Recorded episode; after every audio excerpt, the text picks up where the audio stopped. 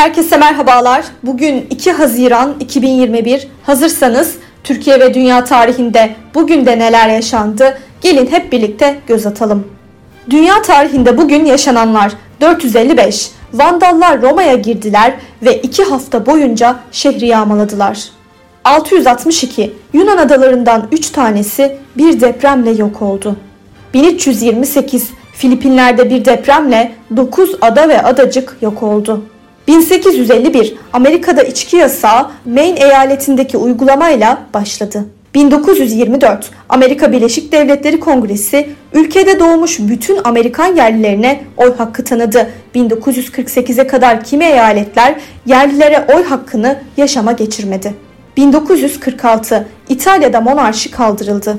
1953 Birleşik Krallık Kraliçesi 2. Elizabeth taç giydi. Türkiye tarihinde bugün yaşananlar 1926 genel nüfus sayımı hakkındaki kanun kabul edildi.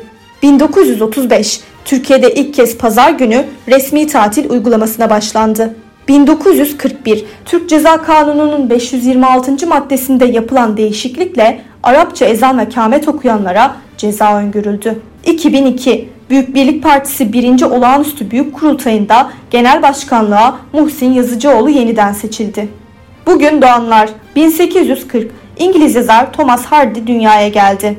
1913 Türk hattat ve cilt sanatçısı Emin Barın dünyaya geldi. Bugün ölenler 1970 Türk yazar Orhan Kemal vefat etti.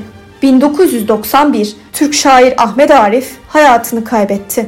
Bugünkü bültenimizi de burada sonlandırıyoruz. Programımızda tarihte gerçekleşen önemli olayları ele aldık. Yarın da tarihte neler olduğunu merak ediyorsanız bizi dinlemeyi unutmayın. Yarın görüşmek üzere.